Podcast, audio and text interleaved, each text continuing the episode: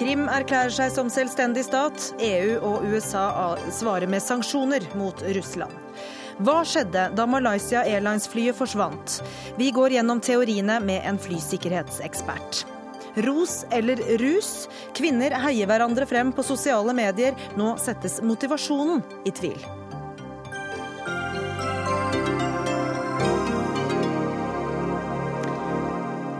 Mandag ettermiddag. Jeg heter Gry Blekastad Almås og skal også ønske en skuffet Birken-debutant Jonas Gahr Støre velkommen hit til Dagsnytt 18-studio litt senere i sendingen. Både EU og USA innfører altså sanksjoner mot eh, flere politikere og militære ledere fra Russland og Krim. Etter gårsdagens folkeavstemning vedtok de lokale myndighetene på Krim i dag å løsrive seg fra Ukraina. Søknaden om å bli tatt inn i Den russiske føderasjon er sendt til Moskva, og reaksjonene har ikke latt vente på seg. Vi skal til eh, både USA og Russland og EU-hovedkvarteret i Brussel, og vi begynner der eh, med deg, Åse Marit Befring, europakorrespondent. Hva slags sanksjoner er det vi snakker om? Ja, Det EU gjør nå, er at de innfører sanksjoner mot 21 personer på Krimhalvøya og i Russland. Det Dvs. Si at disse personene da får frosset bankinnskudd og eiendommer de måtte ha i EU. Og i tillegg så innfører de innreiseforbud til EU-land. Eh, men det som eh, viser seg nå, er jo at denne lista er jo langt svakere enn USA har lagt frem i dag. Eh, de har verken med noen visestatsminister i Russland eller statsministeren på Krim på denne lista. De forklarer det med at de vil gå forsiktigere frem, at de vil ha en mer diplomatisk tilnærming. Eh, men eh, det er også kjent at eh, mange i EU er skeptiske til sanksjoner, fordi de frykter at prisen blir for høy dersom Russland kommer med mottiltak. Hvordan ga denne uenigheten seg uttrykk? Ja, når de kom her i dag morges, så var det tydelig frustrasjon. Nå har de hatt flere krisemøter, og de har ennå ikke klart å samle seg om en ordentlig straffetiltak. Og EU er jo Russlands viktigste handelspartner, så hvis det er noen som har en mulighet, så er det nettopp EU. Eh, men eh, etterpå så var det en veldig diplomatisk eh, dialog både på pressekonferansen med Catherine Ashton, der hun sa at hun håper nå at dette skal være nok til at, at russerne snur. Og også fra Carl Bildt, som pleier å være veldig tydelig i sin kritikk. Hvor sannsynlig er det da at disse sanksjonene eventuelt blir trappet ytterligere opp? Det er temmelig sannsynlig, fordi at uh, allerede nå på torsdag så skal stats- og regjeringssjefene i EU møtes. Eh, og de har sagt nå at eh, dette her er en begynnelse, eh, dersom de ikke ser at russerne møter ukrainske overgangsregjering til forhandlinger, eller dersom de ikke ser noe endring fra Russland innen da, så, så vil de trolig tilføre nye personer på denne lista. Nesten fælt å si takk til deg nå også, Marit Befring, når vi endelig fikk så god lyd på deg. Men vi skal videre og til USA. Anders Tvegård, korrespondent der. Hva er begrunnelsen amerikanerne gir for sine sanksjoner? Det er for å øke presset på president eh, Putin ved å ramme hans nærmeste krets, innflytelsesrike medarbeidere, Ukrainas tidligere president Janukovitsj og lederne på Krim, totalt elleve personer i første omgang. Det er reiseforbud for høytstående tjenestemenn som tidligere har blitt ønsket velkommen. Privatøkonomien og eiendommer i USA fryses, og begrunnelsen er at disse personene er med på å undergrave demokratiet og institusjoner i Ukraina. Det er et um, viktig viktig signal også for å vise at det ikke er tomme trusler USA har kommet med. Russisk handling får konsekvenser, og straffetiltakene eh, nå det er de mest omfattende mot Russland siden slutten på den kalde krigen. Og Hvilke reaksjoner er kommet på at eh, USA innfører disse sanksjonene i USA? Det er eh, bred støtte, og i Senatet så har det også stemmer som mener at man skal gå enda sterkere eh, til verks og både stramme til og også gi militærhjelp til Ukraina. Men eh, akkurat nå så har, er det støtte om, om presidentens linje. Og så har president Obama sagt at han neste uke reiser til Europa pga. denne krisen. Og hva er det han eh, tror han kan oppnå med en slik reise? Ja, dette er en planlagt reise for presidenten, og han vil vise støtte til sine europeiske allierte. Turen den går til Nederland, Belgia, Italia og Vatikanet. Visepresidenten han reiser allerede nå til Nato for å fortsatt mobilisere allierte. Det er eh, forskjellig syn på hvor sterkt man skal ramme russeren, og også fare for hvilke mottiltak eh, de vil komme med. Her fra USA heter det at russernes posisjon i, i verden, som de har bygget opp de siste åra, er i ferd med å forvitre. Og folkeavstemningen den er i strid med Ukrainas grunnlov og folkeretten. Selv i Sikkerhetsrådet står Russland alene nå, og USA holder fortsatt døra åpen for å utvide uh, straffetiltakene, uh, men legger vekt på at det fortsatt er en politisk vei. Takk skal du ha, Anders Tvegård. Vi har litt problemer med å få med oss Hans-Wilhelm Steinfeld fra Moskva, men Tor Bukkvold er med oss her i studio, seniorforsker ved Forsvarets forskningsinstitutt. Og, eh, hvor effektive eh, tror du at disse sanksjonene vil være overfor Russland? Nei, Til å begynne med så tror jeg ikke de vil ha særlig stor effekt, og kanskje vil de ikke ha noe, noe betydning eller noe særlig effekt så lenge Putin styrte makta. Han var jo regna med at det her ville skje. Eh, så jeg tror det er kalkulert med i bildet at det vil bli sanksjoner. Det kan hende at en har regna med at de ikke blir veldig langvarige. Vi så jo etter Georgia-krigen at det òg ble innført ikke så, eh, så, strenge sanksjoner, men at det ble innført eh, en form for sanksjoner som da varte bare en par år. Så det er mulig at han har forregna seg litt og tror at det vil gå over fort. Men jeg tror at det er potensialet i seg til å være et slags sånn vannskille litt i forholdet mellom Russland og USA, og, eh, mellom Russland og Vesten, og da i negativ retning. Ja, På hvilken måte da? Jo, fordi at Russland har gjort noe her som de fleste vestlige land ser på som ganske uhyrlig. De har forsynt seg med territorium fra en nabostat med våpen i hånd i det 21. århundre, og det er såpass alvorlig at det, de fleste vestlige land føler at det må man reagere sterkt på. I tillegg så tror jeg at uh, selv om det har vært mye kritikk mot Putin over lang tid, Eh, både når det gjelder menneskerettigheter i Russland, når det gjelder krigen i Georgia, så tror jeg man til en viss grad har sett på Putin som ja, autoritær, men forholdsvis rasjonell og forutsigbar. Men etter Krim så så er det vanskeligere å se det på det viset. Men du sier at russerne har forsynt seg med land. Det som er status nå, er at uh, Krim søker selvstendighet, og at de har også søkt da om å få uh, bli med uh, i den russiske føderasjon. Men er det sikkert at Putin vil ha Krim?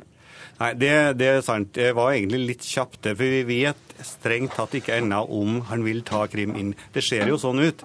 Men fram til nå så har ganske mange spekulert i at dette her er en form for uh, å lage en god forhandlingsposisjon, for så å tvinge den ukrainske regjeringa til å gi etter på en god del punkter, sånn som føderalisering til Ukraina, f.eks.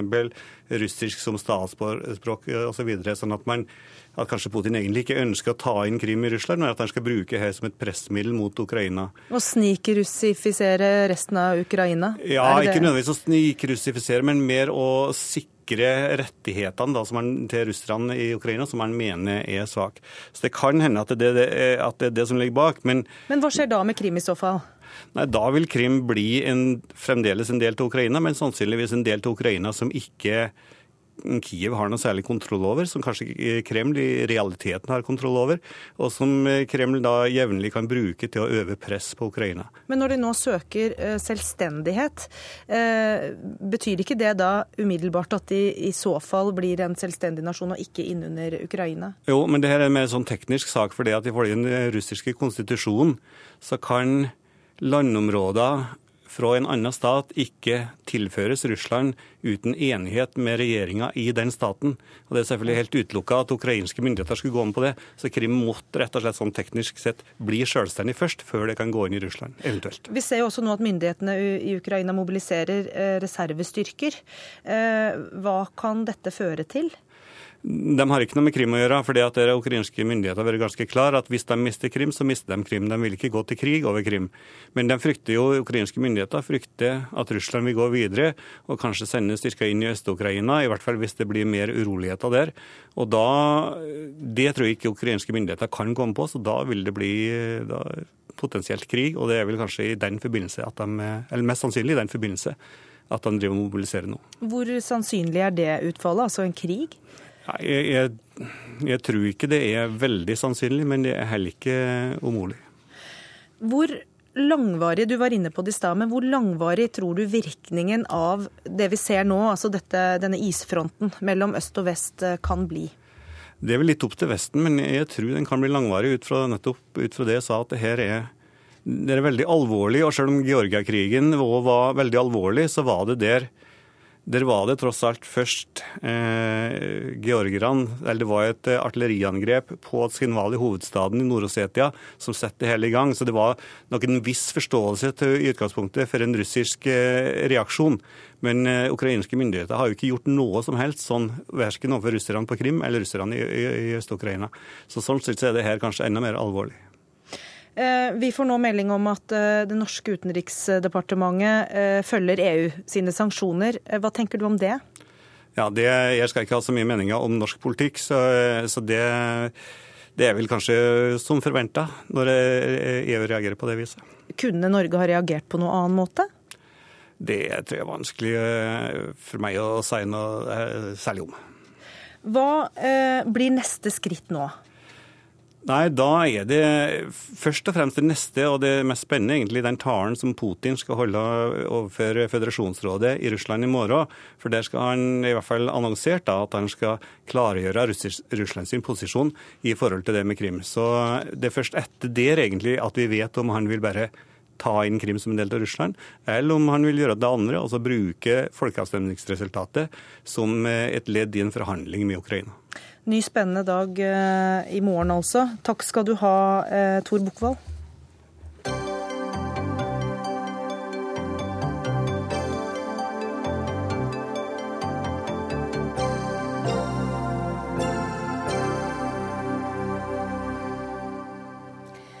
Behandling av pedofile overgripere virker dårlig. Ny forskning som Helsedirektoratet har bestilt, slår fast at terapi ikke har noen særlig effekt på tilbakefallsprosenten. Og Psykolog Cato Grønnerød, førsteamanuensis ved Psykologisk institutt ved Universitetet i Oslo. Du er én av to hovedforfattere bak denne forskningen. Hvordan har dere kommet fram til at terapi ikke har noen effekt? Det vi har gjort, er en såkalt metastudie. Da har vi altså sett på forskningsresultater som allerede er publisert, og samlet de fra rundt, rundt omkring i verden. Eh, satt opp noen kvalitetskriterier, sånn at vi har bare inkludert de studiene vi mener er å stole på etter en sånn kodingsmanual. Eh, og Så ser vi da på det store bildet her, eh, og finner da at terapi ikke virker inn på tilbakefall. Det er like mange, eller skal vi også si like få, for så vidt, for det er for så vidt få som, som begår nye overgrep. Men det er ikke noe forskjell på de som går i behandling og de som ikke går i behandling. Kan du da si noe om Dette er internasjonal forskning. Gjelder dette også i Norge, og den typen behandling overgripere får i Norge? Det er forskjellig. Jeg har ikke full eh, oversikt over hva slags type behandling som gis. og Det er faktisk en egen utredning på gang som skal se på det. Eh, men i hvert fall så er det noen som er inspirert av den samme typen tenking. Eh, men det er ingen norske studier som vi har funnet, som vi kunne inkludere i vår studie. i hvert fall. Hvordan reagerte du selv på de funnene dere fant? Nei, Det er jo nedslående. Altså, jeg har barn selv og skulle gjerne sett at uh, terapi virker. Men altså, ut fra den, den, forskningen som foreligger, og den forskningen som har god kvalitet, så, så er det nedslående resultater. Det virker ikke det du driver med, Tore Langfeldt? Altså Denne behandlingsformen her da, som eh, er undersøkt i denne undersøkelsen, den visste vi allerede i 1980 ikke fungerte. Så eh, det er ikke noe nytt. Og i 83, når vi startet uh, gruppeterapi, uh, jeg begynte med gruppeterapi, så hadde jeg uh, vært i Minneapolis og studert ulike typer av terapiformer. Og den som ikke fungerte, den hadde vi ikke noe særlig sansen for. Men vi startet opp med en annen type terapi som uh, har en helt annen effekt, og som ikke er med i disse studiene. da. Har dere undersøkt feil uh, type terapi her, Grønnerød? Ja, vi skulle gjerne hatt med hvis det hadde vært noen publiserte undersøkelser. Så hvis det er mulig å få til, så ser jeg fram til eh, slike resultater. Men foreløpig så, så, er det jo ikke publisert. Og det var en stor publisert undersøkelse fra Minneapolis. som var en tilbakestudie, tilbake en, en sånn longitudinell studie som gikk tilbake til 70-tallet, hvor man så på tilbakefallet helt frem til eh, slutten av 90-tallet. Så det er gjort en del studier på det. Dessuten er det også en del nyere studier i eh, som viser noe helt annet enn det dere har funnet. Jeg så dere hadde med Marquez sine studier fra 2000, som da ikke viser noen effekt. og Det er et glimrende arbeid som viser egentlig akkurat det som vi har påpekt hele tiden, at den måten å drive terapi på, behandling på, har liten effekt. Så Derfor så laget vi en annen type eh, program eller annen type terapi. da. Dette de driver, heter egentlig bare behandlingsprogrammer og tar ikke utgangspunkt i, i, direkte psykoterapi. Det er også viktig å understreke det. da. Men, eh, men Langfeldt, du leder altså Institutt for klinisk sexologi og terapi, og har behandlet uh, mange av de vi snakker om mm. her selv. Uh, når du hører at det er like stor tilbakefallsprosent på de som får terapi, Nei. Som, som de som ikke får noe terapi? Ja, Men det er feil, for det er en annen type behandling. Så vi kan, ikke, vi kan ikke blande sammen ulike behandlingstyper. Men så Du er overbevist om at den behandlingen du er med på å gi, annet, den virker? Ja, den virker, for den går over lengre tid. Vi har f.eks.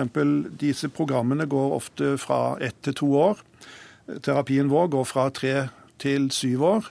Vi har en tett oppfølging. Ehm, vi jobber da med bakenforliggende årsaker, relasjonsskader, traumer og slike ting som disse har opplevd, som vi også bearbeider. Og så jobber vi også med å utvikle en, en positiv seksualitet som, som man eh, ikke gjør i disse amerikanske eh, relapse prevention-programmene. Ja, Grønnerud, Det kan være litt vanskelig for oss som ikke kjenner alle disse ulike studiene og heller ikke eh, detaljene i de forskjellige metodene. Men eh, kan det være at dere har tatt for dere eh, feil type internasjonal forskning her? Vi skulle gjerne tatt for oss eh, større grupper av forskning, men problemet er at det er så lite som er publisert med god kvalitet. Vi startet altså med rundt 300 studier. Og feltet flommer jo formelig over av rapporter og evalueringer som altså veldig, har veldig dårlig kvalitet. Er dette bl.a. disse som Langfelt her nevner, som dere definerer som for dårlig kvalitet? Ja, Noen av dem er god kvalitet, og som vi har inkludert her, så det er jo noe litt forskjellig. Men uh, altså jo, vi kan jo ikke si, uh, og det har Langfeldt helt rett i, vi kan ikke si at hans eh, terapi ikke virker. Fordi det fins ikke studier. Men samtidig så er det jo vanskelig for han å påstå at det virker, så lenge det ikke fins noe godt forskningsgrunnlag. Sånn at hvis han kan publisere dette her, så gjerne for meg, så tar vi det med i neste omgang. Men foreløpig så viser de dataene som vi kan stole på, i hvert fall, at terapi gjennomsnittlig ikke har noen effekt. Langfelt, er det aktuelt å publisere ja, disse tingene som du mener å vite her? det er veldig aktuelt. Vi har allerede ett prosjekt som er ferdig, og det er eh, tilbakefall på voldtekt eh, og behandling av voldtektsforbrytere, som har gått da i opptil seks år. Og Det vi har jobbet med der, har vært eh, ikke de som har begått én voldtekt, men vært dømt minst to ganger. da. Sånn at vi ser at fengselseffekten ikke har virket, sånn at vi får dem igjen da etter annen gang. Men nå var det snakk om overgrep mot barn? Primært. Overgrep mot barn, ja. Da har vi ganske stort arbeid. Så vi samler inn data hele tiden. Og jeg sitter nå med årsrapporten for 2013 eh, og skal gå gjennom den. Så etter hvert så samler vi opp et ganske stort materiale. Men tingen er det at eh, det å å gjøre prosessforskning eh, innenfor en psykodynamisk tradisjon, som vi jobber med, med, med med å jobbe med relasjonsskader, empati og sånne ting, så ser vi at det er veldig vanskelig å, å, å, å lage systemer som man kan på en måte telle opp.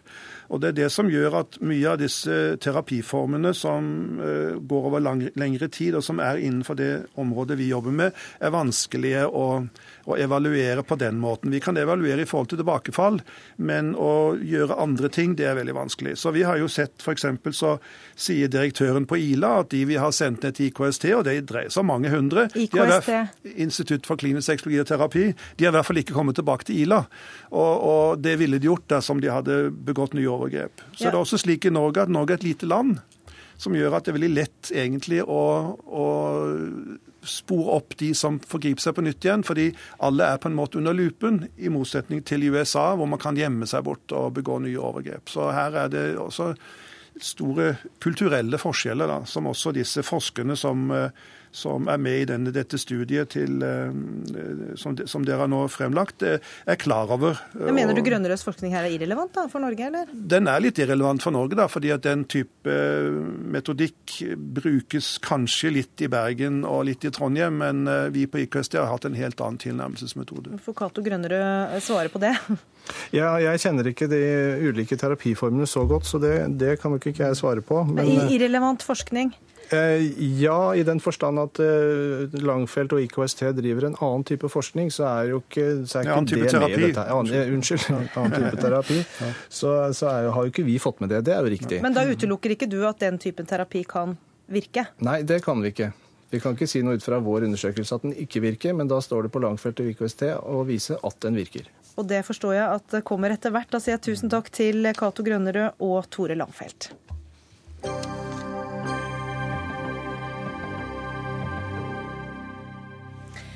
Vi skal snart diskutere gratis handikapparkering for sykelig overvektige her i Dagsnytt 18, men eh, aller først til flyet som forsvant.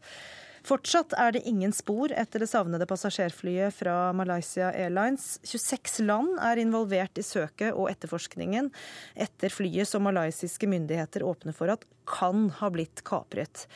Utenriksmedarbeider Halvard Sandberg, eh, aller først, hva vet vi per nå? Vi vet egentlig veldig lite. Vi vet det tok av. Vi vet at det forsvant fra sivil radar. Vi vet at det fortsatte å sende meldinger til en satellitt i lang tid, i mange timer etter at det forsvant på radar. Og vi vet at det har blitt sett av militær radar noen få korte sekunder på noen steder. Det er alt vi vet nå. Men ut fra det kan du egentlig fortelle ganske mye. Ja, og når det er alt vi vet, så er det jo også fryktelig mye vi ikke vet, og dermed lurer på. Og dermed så verserer det nå mange teorier om eh, hvilke mulige scenarioer som dette flyet kan ha vært utsatt for. Og, og la oss ta én ting av gangen, da. Eh, hva kan ha skjedd? Det som kan ha skjedd, er at det har blitt utsatt for en katastrofal mekanisk feil og styrtet i sjøen. Det var teori nummer én. Og så begynte man å forstå at det, det ser ut som en villet handling at det gikk ut av kurs. Og da var kapring er da helt klart teori nummer én. Og så har du hvem er det som da skal ha fløyet dette flyet etterpå, når det da gikk vekk fra kursen sin? Det må være en som kan denne 777-maskinen veldig godt og en som tydeligvis har gjort det helt riktige for å unngå å bli fanget opp på radar. Og da er eh, mistanken rettet mot eh, den personen som virkelig kunne fly det, nemlig kapteinen om bord.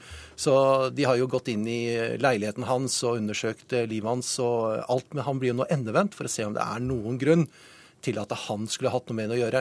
Men La oss ta det flytekniske da rundt en sånn teori. Jo Bjørn Skatvold, du er leder i flysikkerhetskomiteen i Norsk Flygerforbund. Hvor sannsynlig er dette at eh, kapteinen har kapret sitt eget fly? Ja, det er jo et eksempel som òg er gjort tidligere. Eh, både styrmenn og kaptein har gjort det. Senest eh, var jo Etiopia, som landa i Genéve. Så det er ingen umulighet, det, men da begynner vi å kikke på hva er motivet for det. Og det, det stiller oss litt mer spørrende. Ja, og jeg tenkte mer på det flytekniske, egentlig. Altså dette at flyet har eh, klart å unngå de aller fleste radarer, i hvert fall. Eh, hvordan gjør man det? Du kan skru av en god del system om bord i cockpit, og det gjør at eh, flyet ikke responderer på de spørresignalene for å si det på den, som, som sendes fra en sivil radarstasjon.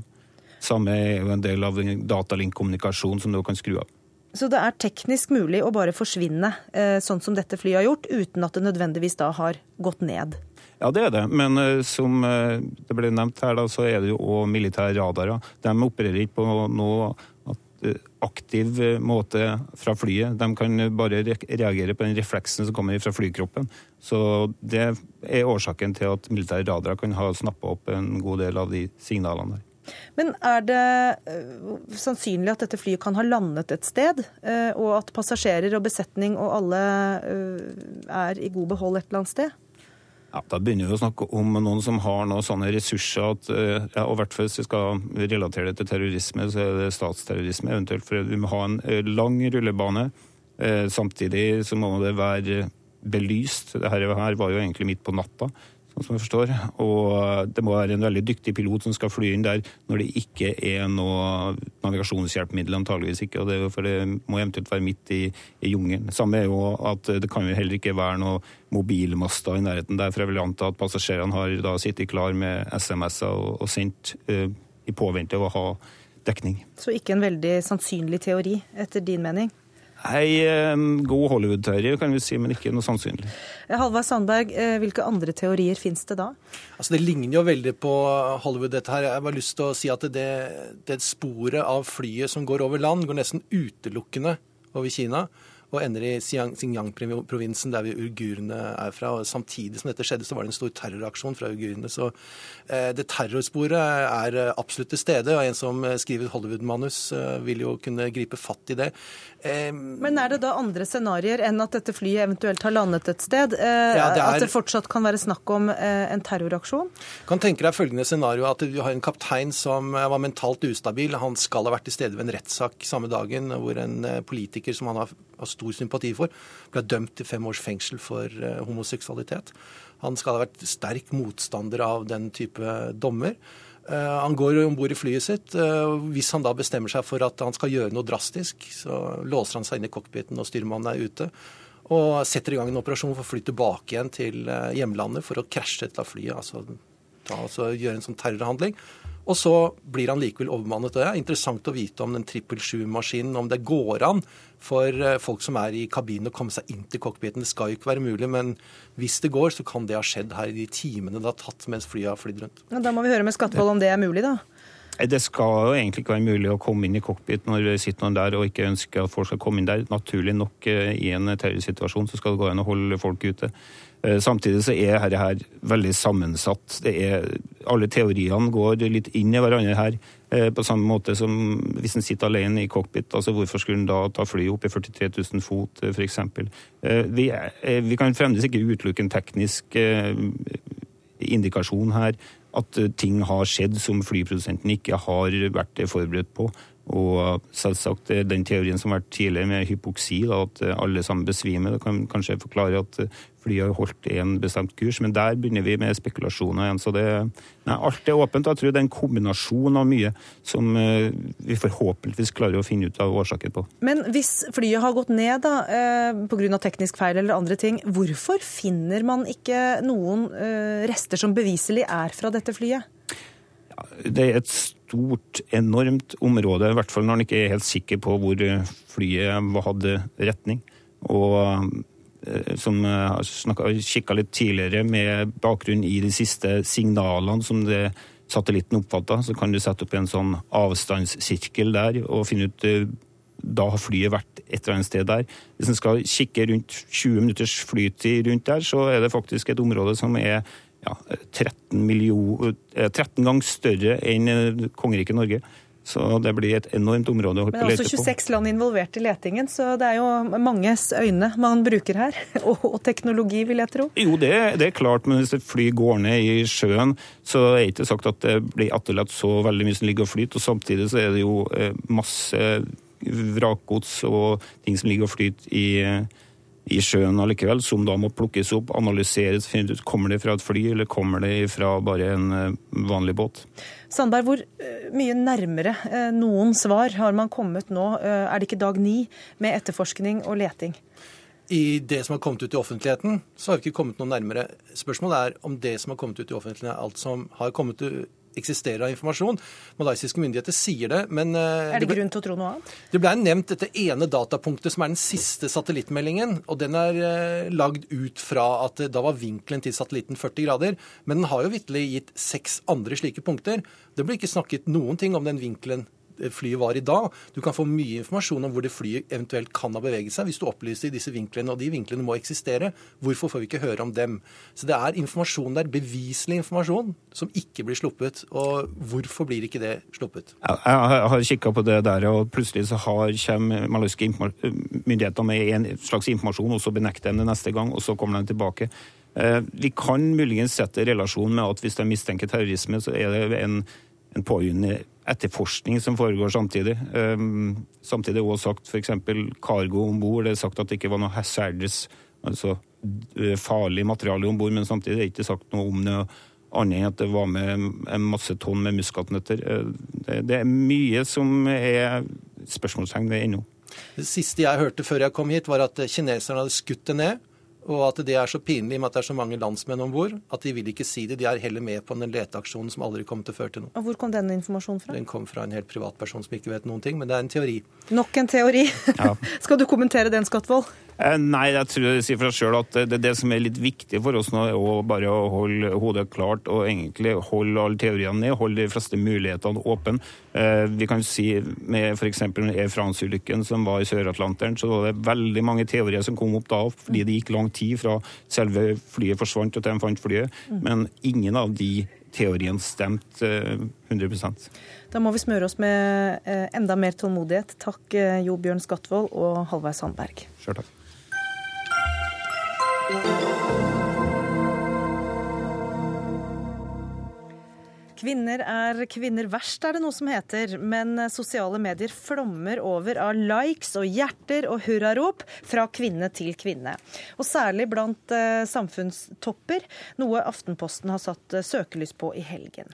Noe som igjen har ført til en flom av kommentarer på sosiale medier. Noen som er for heiagjengen, og noen som er imot. Og en av dem som er imot, det er du, Eva Grinde. Du er kommentator i Dagens Næringsliv, og under overskriften 'Rosa sukkerspinn' din går du i dag kraftig ut mot denne kvinnelige heiagjengen. Hvorfor?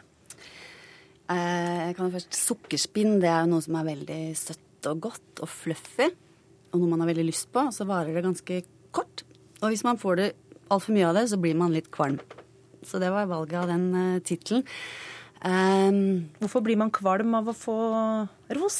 Man blir ikke kvalm av å få ros. Jeg vil gjerne bare starte med å si at ros er uh, uhyre viktig. Og eh, det er noe som alle vet som driver med ledelse, barneoppdragelse, hundeoppdragelse.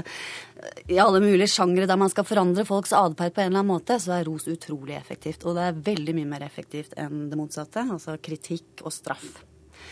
Men um, det er ikke sikkert at målet med offentlig debatt er uh, å endre atferd eller få folk til å bli veldig glade og lojale. Det kan også være å få mange forskjellige meninger ut på bordet. Og hvis man skaper en kultur der, man, der det et, skapes et inntrykk av at måten vi snakker sammen på her, det er å være glade og støtte hverandre, Eh, og at man tar for gitt at fordi man er kvinne, så støtter man andre kvinner, og det motsatte er å være kvinne verst, så blir rommet veldig trangt, mm. og det blir klamt, og det blir vanskelig å eh, operere i det. Du skriver at det fordummer og ekskluderer. Ja. Eh, det fordummer i den forstand at en sak har ofte mange sider, og å få fram mange sider er eh, viktig for å belyse det fra mange kanter. Og, og, hvis man bare får lov på en måte til å si, se én side av saken, så blir det Men det tør man ikke hvis det er mange som skryter av noe, eller noen? Så tør man ikke å komme med kritikken? Ikke, altså, det er veldig lett å, å motsi det. Selvfølgelig kan man komme med Jo, Men det er det som er resonnementet ditt? Ja, eller eh, resonnementet er at eh, jeg tror veldig mange tenker at vet du hva, jeg hører ikke hjemme der. Mm. Jeg er ikke med i den gjengen. Jeg, eh, jeg tror jeg gjør noe annet enn å melde meg på her. Kanskje man mener noe. Kanskje man er veldig interessert i f.eks. hva er innholdet i denne boken til Anita Krohn Traaseth, som jo For er utgangspunktet. Anita, som du nevner, hun er inne. Hun er med i gjengen. Du er administrerende direktør fra Hewlett Packard i Norge og har gitt ut uh, en bok som du har fått veldig mye uh, likes på av andre kvinner. Og du er også med å gi den typen ros på sosiale medier. Ser du at du kan være med på å ekskludere mennesker og meninger? Jeg mener nok motsatt. Da. Jeg tror kanskje at jeg er en av de eh, få norske topplederne som ikke driver og leder i lukkede hierarkiske rom i elfenbenstårn. Jeg tror jeg er en av de lederne som er veldig transparent, både i hvem jeg er og hvordan jeg leder. Og eh, hvis du tar eh, bokfesten, da, eh, Eva, som du skrev om, så var jo det en, en, eh, en, bokfest som ble streamet. Den var tilgjengelig for alle på nett. Det var plassbegrensninger på hvem som kunne komme. Det var mange menn til stede. På scenen så var det like mange menn som kvinner. Det var forskere som snakket om posttraumatisk vekst. Det var mange elementer. Men nå snakker vi om det som foregår på sosiale medier, ja. hvor uh, kvinner da hauser hverandre opp i, i, større og større grad. Uh, og hva det gjør med den offentlige debatten. Jeg tror det at uh, den offentlige debatten i dag, den er veldig tilgjengelig. Den har aldri vært så inkluderende som den er nå. Den har også, den har også konkludert i at det har forskjøvet noen maktbalanser. Det er ikke bare dere journalister som på en måte kan styre hvilken agenda, hva som skal stå eh, på agendaen. Alle kan være med alle altså jeg har jo, vi, vi, snakker om eh, at samfunnstoppene er de som dominerer. Det er ikke det. Og så må vi, må vi ikke glemme at det er bare 3% kvinner i norsk næringsliv. Vi er ikke dominerende på sosiale medier. Det er mange andre som er dominerende. Men du snakker ikke om bare de i næringslivet. Du snakker om uh, samfunnstopper generelt. Du har politikere, du har eksempler på, uh, på folk som du mener er med på denne ekskluderingen. Jeg snakker om et, et et fenomen som det er mange som syns at de opplever, og som reaksjonen på Aftenpostens artikkel på lørdag eh, jo understreker at, at faktisk uh, fins. Um, men når du snakker om topper, så er det klart at det er litt eksempel, Jeg husker jo ikke hvor mange mm, følgere dere har, men altså uh, toppene har type 16 000-20 000 følgere, mens, så, sånn at impacten av deres aktivitet på nettet er jo selvfølgelig veldig stor. Mye større enn en hvermannsen sin. Men du snakker også, eh, eller skriver da, eh, i din kommentar om rosens manipulative kraft. Eh, og i det så antyder du vel at det er noen som prøver å manipulere noen eller noe. Forklar det. Ja, altså jeg det er jo en måte å, å få folk innenfor uh, på, og, og, rose dem. Og det, vi vil ha det, og det er noe vi, vi gjerne eh, higer etter å få. Så, så det, på et psykologisk plan så er det helt klart at man kan få eh, en nærhet og en, en, en, slags makt over mennesker ved å rose dem på rette måte. Uh, ja, er det en form for hersketeknikk, tross alt? Nei, jeg opplever det ikke sånn. Og, og det som jeg syns blir litt uh, problematisk og litt vanskelig i denne debatten her, det er jo hvor er de eksemplene på denne rosingen som er hul? Eh, jeg føler at når jeg har involvert f.eks. folk i skriveprosessen, da, eller involvert folk ved å være åpen, så får jeg jo tilbakemeldinger. Jeg setter meg ikke som dommer på å si om den tilbakemeldingen er hul eller ikke. Jeg har folk som prøver å selge ting til meg. Det har de gjort hele livet. Eh, så lenge jeg har vært leder. Jeg klarer å skille mellom det. Og så tror jeg ikke det er så veldig forskjell på oss i det digitale liv som i det virkelige liv. Fordi er du eh, hul, er du en bløff, så overlever du veldig kort eh, på sosiale medier fordi du blir avslørt. Og det er en fin ting. Det er en demokratisering. Alle har muligheten til å gå og google, til å searche, til å delta, til å være med. Og den eksklusjonen som, som du henviser til, da, den opplever jeg ikke eh, i det hele tatt. Jeg opplever motsatt. Det er kanskje at, fordi du er inkludert, da? Men inkludert i hvem og i hva? Nei, eh, jeg syns det er vanskelig å, å trekke fram enkelteksempler. Det vi snakker om her, er en opplevelse av en kultur. Det er på en måte bare å gå inn på, på, på Twitter-feeden eh, når som helst og sjekke altså, hvordan vi snakker med hverandre på, på, sosiale medier. Og det er ikke det at det er feil å si noe pent til de man virkelig beundrer. ikke sant? Det, og det er veldig bra, og det er veldig bra en positiv grunninnstilling. men hvis hvis, hvis, det er en sånn slags indirekte krav om heiing som ligger i bunnen, så blir det Så er det eh, ja, hvem, begrensende. Hvor kommer det kravet fra? Hvem er det som er ikke det en subjektiv tolkning eh, hvordan man, hvordan, og, og, hvilken Twitter-feed man har? Jeg, jeg, opplever egentlig det motsatte. fordi det som har vært problemet, og vi har diskutert mye, er jo netthetset og nettmobbingen. Mm. Og så må vi huske at disse sosiale kanalene er nye. Vi trenger også å lære oss hvordan vi skal kommunisere. Ja, der er jeg helt enig med deg, jeg, men jeg ser denne hauserausingen på en måte som det ytterpunktet til, eh, til, til, hetsen. Jeg tror begge deler blir litt feil. Jeg håper og tror at eh, man kan finne en mer sånn moden måte å bruke sosiale medier på etter hvert. At det ikke bare blir for sånn som, sånn som det kan fungere nå, så kan det se ut som først og fremst en markedsføringskanal eh, pakket inn i, i bestevenninnespråk. Og det, det, blir litt, det blir for mange litt falskt. Men er ikke det egentlig nettverksbygging i en ny og kanskje litt mindre mannsdominert form? Jo, jo, det er det. Og er det negativt? Nei, det er bra. Men jeg tror det har fått et sånt eh, utslag nå som, er, som, som går for langt, og som ikke tjener disse maktdamene heller. Jeg, jeg tror dette her kommer... Hvor vi ikke fokuserer, vi fokuserer for mye på person, og, og for lite på hva, hva disse toppdamene faktisk utfører og gjør og står for. Men, men, jeg kan være enig med deg i det at det har jo vært veldig mye fokus på min profil, profil, og spesielt i det siste, eh, fordi jeg nettopp har lansert denne boken. Da blir det mye fokus på profilen. Og så har jeg jo også invitert eh, folk inn til å komme med kommentarer, og jeg svarer på disse kommentarene. Og jeg skrev jo en tweet forrige uke at det å stå i ros er mer utfordrende enn å stå i ris. Jeg har, og der kommer egentlig litt, eh, heldigvis litt toppledererfaringen inn. Jeg er trent på å stå i ris og trives mye bedre i dag enn det jeg gjorde forrige mandag. Fordi det er vanskelig å ta imot rosen nettopp fordi Eva, at du og andre sier at ja, men nå gjør hun det pga. XYZ. Eh, du får personkarakteristikka. Og stakkars de som sender meg en tweet og sier at boka mi er god, de, de, blir jo tatt for å være både hule og smiskete.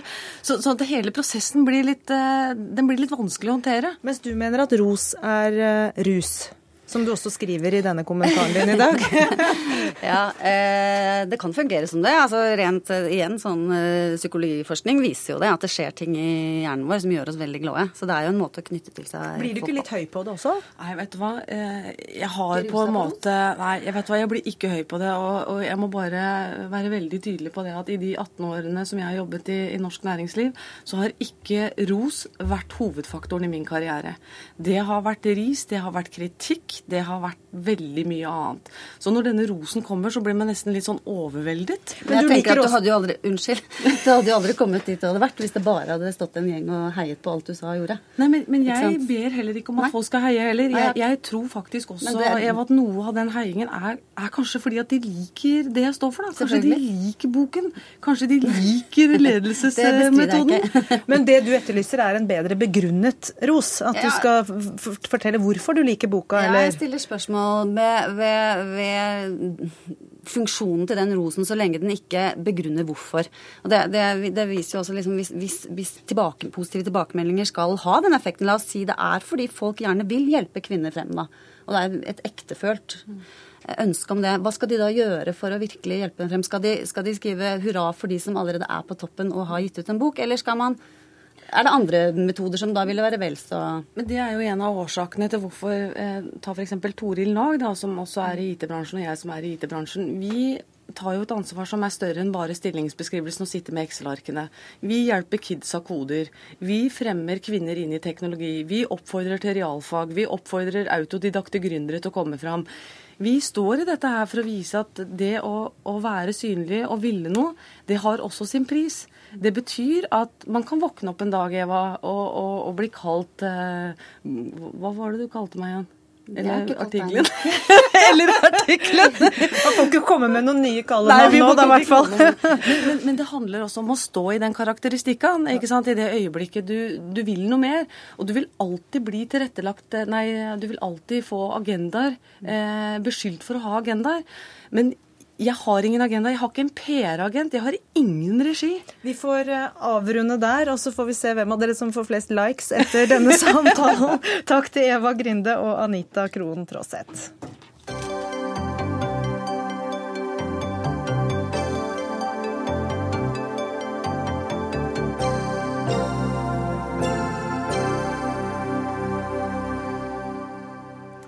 17 000 skuffede skiløpere fikk lørdag eh, beskjeden de ikke ville ha. Birkebeinerrennet eh, ble avlyst pga. Av vær og vind.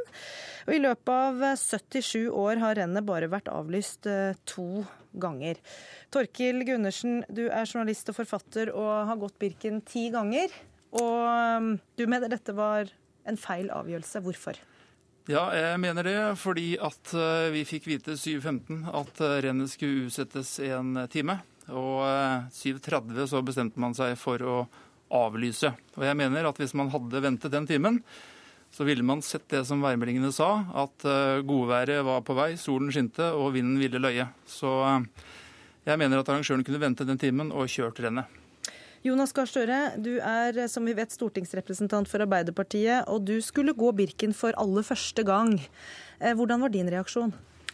Nei, Jeg ble veldig skuffet, selvfølgelig. For dette hadde jeg jo gledet meg med med en skrekkblandet fryd. Eh, og vært med på oppladning til. Og stått opp tidlig og var klar. Så det var en veldig skuffelse.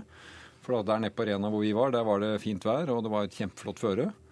Eh, så det er ikke noe tvil om. Men likevel så sier du i hvert fall offentlig at du syns det var en riktig eh, begrunnelse altså, eller avgjørelse? Jeg tror nok at arrangørene skal sikkert nå oppsummere og evaluere erfaringene med dette, og var det riktig å kunne vente en time. Men jeg, det slo inn noe annet hos meg, nemlig at i en sånn stund hvor du skal slippe 17 000 mennesker over fjellet, og det har blåst storm om natten, så skal vi som står veldig klare for å gå, ikke ta ansvar for den sikkerheten. Det er det noen som har.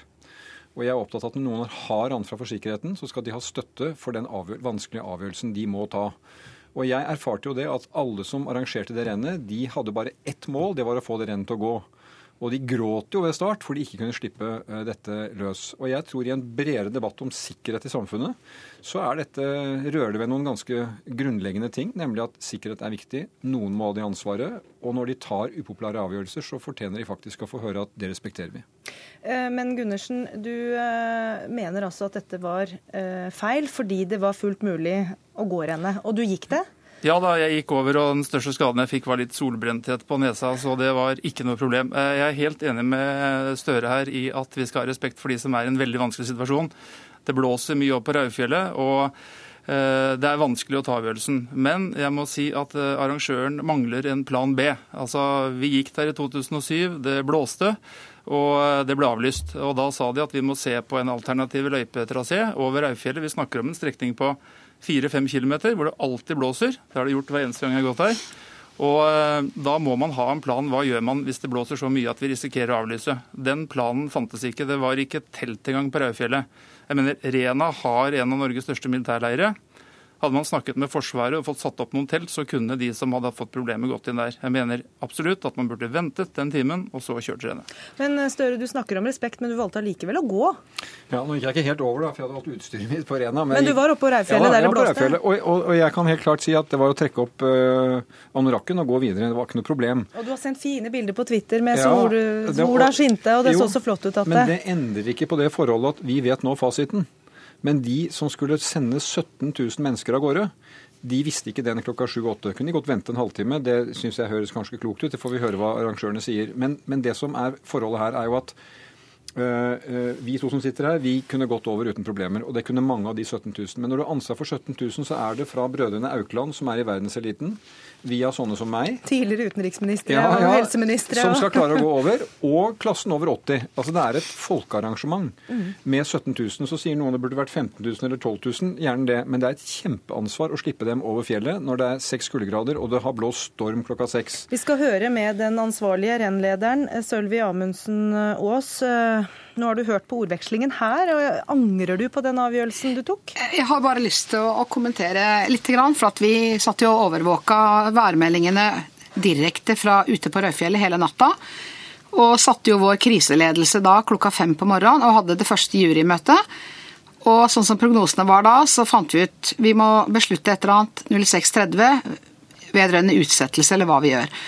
Og vi var i kontakt med Meteorologisk institutt første gang ca. klokka fire. Og eh, klokka 06.30 kommuniserte jeg ut beslutningen om å utsette én time.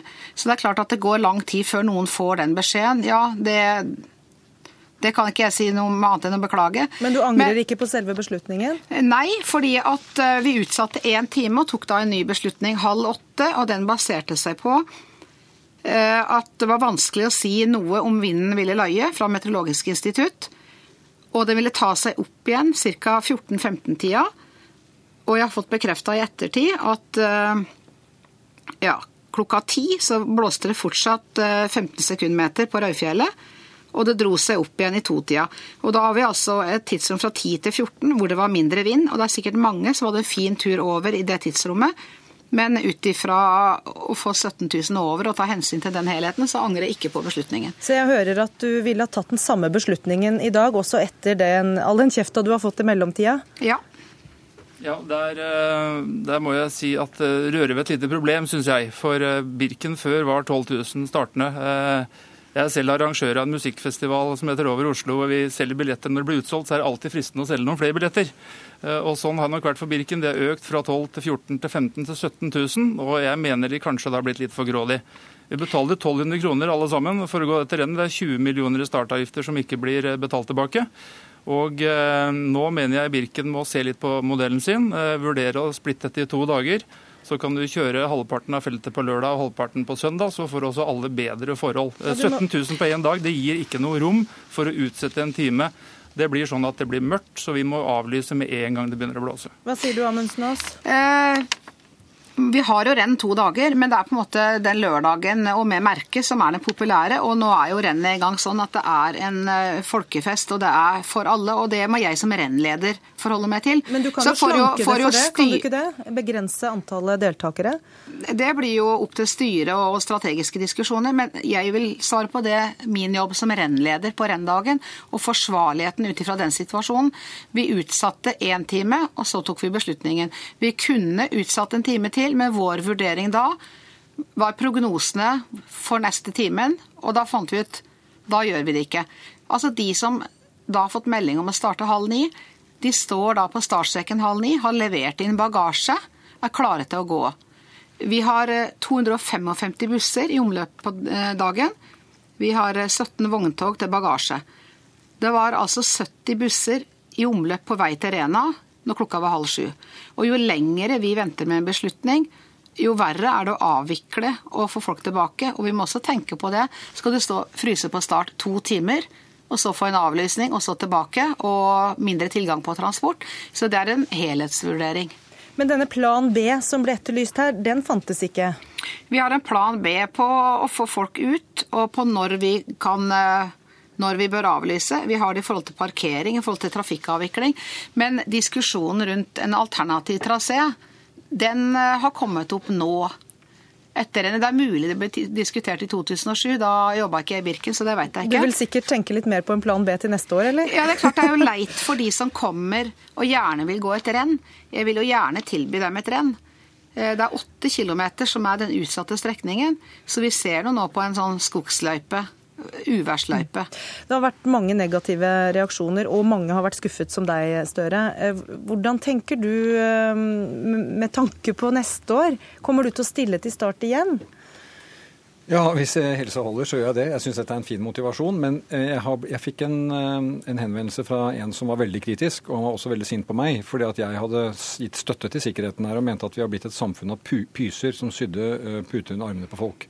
Det er jeg helt uenig i. Eh, nordmenn driver jo mer og mer ekstremsport og tar mange sjanser i idrett, også i fjellet. Men det er et annet symptom, nemlig at vi forventer at utendørsidrett det skal være på skinner. Det skal gå akkurat som planlagt, akkurat som vi har forberedt. Og jeg er veldig glad for at ingen av de som sto der og hadde spist pasta en hel uke og drukket sportsdrikk og var som hingster på start, hadde ansvar for å ta den avgjørelsen, men at det var sindig kloke mennesker som gjorde det. Så vil de sikkert oppsummere det i ettertid. Men hvorfor var du, som heller ikke er noen toppidrettsutøver, med all respekt, eh, i stand til å kunne avgjøre at du var rusta til å gå den turen, mens andre ikke kunne ta Nei, den beslutningen jeg, jeg, selv? Jeg anså at da rennet var avlyst, så var jeg på Rena. Og hvor jeg gikk i fjellet da, det var mitt ansvar. Men jeg gikk jo da innover til det Raufjellet, hvor det blåste en god del. Men det var ikke noe problem for meg. Men det er vel på eget ansvar uansett? Rennet også? Jo, men når du går et renn med startnummer på brystet, så går det jo på en måte i regi av de som arrangerer rennet. Ja. Så det syns jeg på en måte er, er grei skuring. Men, men, vi har hatt debatt i Norge nå de siste årene om samfunnssikkerhet, mm. om gjennomføringsevne og det å ta upopulære avgjørelser. Og vi har eksempler hvor folk ikke har tatt de avgjørelsene. Og vi hadde hatt en helt annen debatt i dette studio hvis 1 promille av de 17 000, det er 17 mennesker, eller 1% det er 170 mennesker, hadde fått problemer innpå det fjellet. Og Torkil Gundersen, det eh, ser vel du også at kanskje hadde vært et enda større problem? Absolutt, og jeg har respekt for det. Men dette må man kunne tenke seg på forhånd. At det blåser over Aurfjellet, det vet vi hvert eneste år.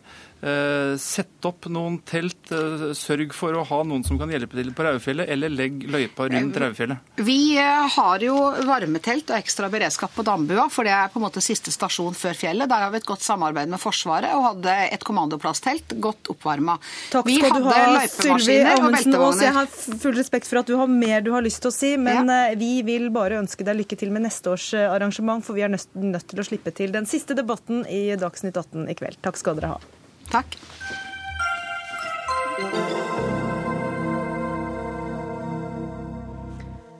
For nå skal det nemlig dreie seg om gratis parkering for eh, overvektige. NRK fortalte i morges at personer som har bevegelsesproblemer pga. overvekt, har fått parkeringskort på lik linje med mennesker med nedsatt funksjonsevne. Og Jørgen Foss, leder av Landsforeningen for eh, overvektige i eh, Norge. Hvorfor fortjener overvektige som ikke klarer å bevege seg ordentlig, gratis parkering eller handikapparkering? Dette handler ikke om, om, hva man fortjener eller ikke. Eh, og det er heller ikke det at det er gratis som er relevant her. Det mener jeg er en, en helt annen debatt. Eh, det dette her handler om, er at enkelte mennesker som er så syke pga. sin overvekt. Eh, som oftest er det ikke overvekten alene, men det er de tilleggssykdommene som kommer av overvekten, gjør at enkelte vil ha behov for tilrettelagt parkering. Én ting er nærheten f.eks. Eh, ved inngangspartiet til sin fastlege, men det er også den situasjonen at enkelte parkeringsplasser er så små at folk vegrer seg for å parkere på, på vanlige plasser fordi de er redd for ikke å komme inn i bilen sin etter endt parkering. Kristian Fjellanger, du er forfatter av boka 'Feit mitt liv som tjukkas'. Ehm, hva syns du om dette? Jeg syns at dette gir egentlig fedmedebatten til en parodi. Eh, for dette, dette fjerner eh, tenker jeg, fokus fra det som er viktig å diskutere. Fedme er en stor utfordring for Norge. Og dette utspillet her er, liksom i rekken av litt rare utspill fra Landsforeninga for overvektige. Men det handler om hvordan vi behandler folk med overvektsproblemer? Selvsagt handler det, og, det liksom sånn, og jeg vet mye om det å ha skam for egen kropp og, og, være, og tenke mye på det. Men jeg tenker at dette er ikke et tiltak som vil bedre folkehelsa vår. Eh, og det er ikke noe katastrofe at, at noen overvektige får lov til å parkere og får et fedmeoblat på bilen sin. Eh, men det løser ingenting. Det er å dekke over et eh, symptom.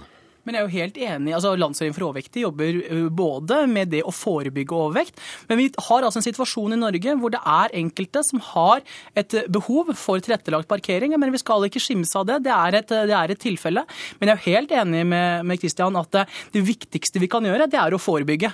Det er noe av det viktigste vi kan gjøre, men det er en helt annen debatt. Jeg mener at Landsforeningen for overvektige må kunne ha to, hode, to, ting i hodet samtidig, og både eh, kunne jobbe i forhold til det å tilrettelegge, men også det å forebygge. Og jeg er veldig enig i at det er så mye som må gjøres i forhold til å forebygge overvekt eh, i Norge, men det er som sagt en helt annen debatt. Men tenk Tenker du at det er feil å uh, hjelpe de menneskene som Altså lette deres situasjon da, ved å gi dem en, en fordel på parkeringsmarkedet? Uh, sånn, når man er overvektig og tjukk, så blir man ofte utsatt for både mobbing, stigma og en del andre ting som fører med. Og er, og sånn, dette er å sjølpåføre seg et stigma. Uh, dette, er, dette, er, med på å forsterke myten om den overvektige som en lat person som, som, ikke gidder. og det er klart at er man, er man virkelig syk og har problemer med å bevege seg, så ja, selvsagt. Men da at man skal ha en regel på at overvektige skal parkere nærmt inngangsdøra, det, det syns jeg virker det, det er litt sånn går baklengs inn i framtida. Ja, er det ikke overvektige som egentlig burde trengt å gå litt lenger? For veldig mange, hvis jeg kan bruke ordet, jeg har hørt flere si hverdagsfeite, da, det er et veldig dårlig ord. Men for de så selvfølgelig er det altså, Jeg skulle ønske at eh, det var mer fokus på bl.a. aktivitet i skolen, generelt folkehelse, at vi er i aktivitet. For det er ikke de hverdagsfeite som vi snakker om? Det er her. Vi snakker om en, en, en promille. Altså, vi snakker om et veldig veldig fåtall mennesker som faktisk er så sykelig overvektige at det vil være et behov for uh, å parkere i nærheten av f.eks. sin fastlege, eller uh, i nærheten av, av, av, av, steder som man må, opp, som man må besøke. Og, og, jeg tenker at Dette handler for meg om likestilling, likeverd. Og jeg er jo så redd for at overvektige mennesker, eller sykelig overvektige mennesker isolerer seg. Jeg ønsker jo et, et, et overvektige ut i samfunnet. Men tror du dette vil føre til at de i større grad deltar i samfunnet? Ja, for den gruppen som faktisk da trenger å komme ut, og at parkering er da et verktøy for å kunne komme ut. Men selvfølgelig, altså jeg ønsker meg at kollektivtransporten, eh, fly, eh, tog osv. Ja, men, men, altså videre, det, men det er viktig med universell utforming. Det er viktig at man tenker å tilrettelegge, slik at alle kan delta i samfunnet. Men jeg tenker, Hvis man er så uh, sykelig overvektig at man har problemer med å gå 100 meter fra en parkeringsplass og til inngangsdøra, så er det helt andre tiltak som burde vært satt i verk for den personen enn at man skal få parkering. Og hvis man er så sykelig overvektig at man ikke kan parkere uh, lenger enn en fem meter unna døra, så setter man egentlig veldig punktum for sin egen helse. Så, så her, dette handler om og helt andre mekanismer enn akkurat Det handler om lavterskeltilbud for sykelig overvektig. Er du så sykelig overvektig at du ikke kan gå så langt, så, så handler det om å få et lavterskeltilbud der du faktisk kan bevege deg. Der Én av fem beveger seg mindre enn 30 minutter for dagen. Så det er liksom sånn, Man har massive utfordringer når det gjelder fysisk aktivitet i Norge. Og dette, dette er med på å latterliggjøre den debatten. Jeg tenker sånn, eh, Hva stigma vil man egentlig få hvis man får en fedmeoblat på bilen sin? Der eh, runder vi av, og jeg sier tusen takk til Christian Fjellanger som eh, snakket til slutt der, og også til Jørgen Foss som er leder for Landsforeningen for overvektige i Norge. Helt til slutt i denne sendingen skal jeg komme med en innrømmelse. Jeg hadde lovet meg selv før denne sendingen at jeg ikke skulle stille spørsmålet 'Hva tenker du?' Eh, det har jeg likevel klart å gjøre tre ganger hvis jeg har klart å telle selv. Men eh, nå utfordrer jeg meg selv og andre til å la være å stille det spørsmålet, og heller stille eh, spørsmål som er litt bedre formulert. Tusen takk skal dere ha. Denne sendingen er slutt. Ansvarlig var Ida Tune Øretsland, teknisk ansvarlig Finn Lie, og her i studio takker Gry Blekastad Almås for følget.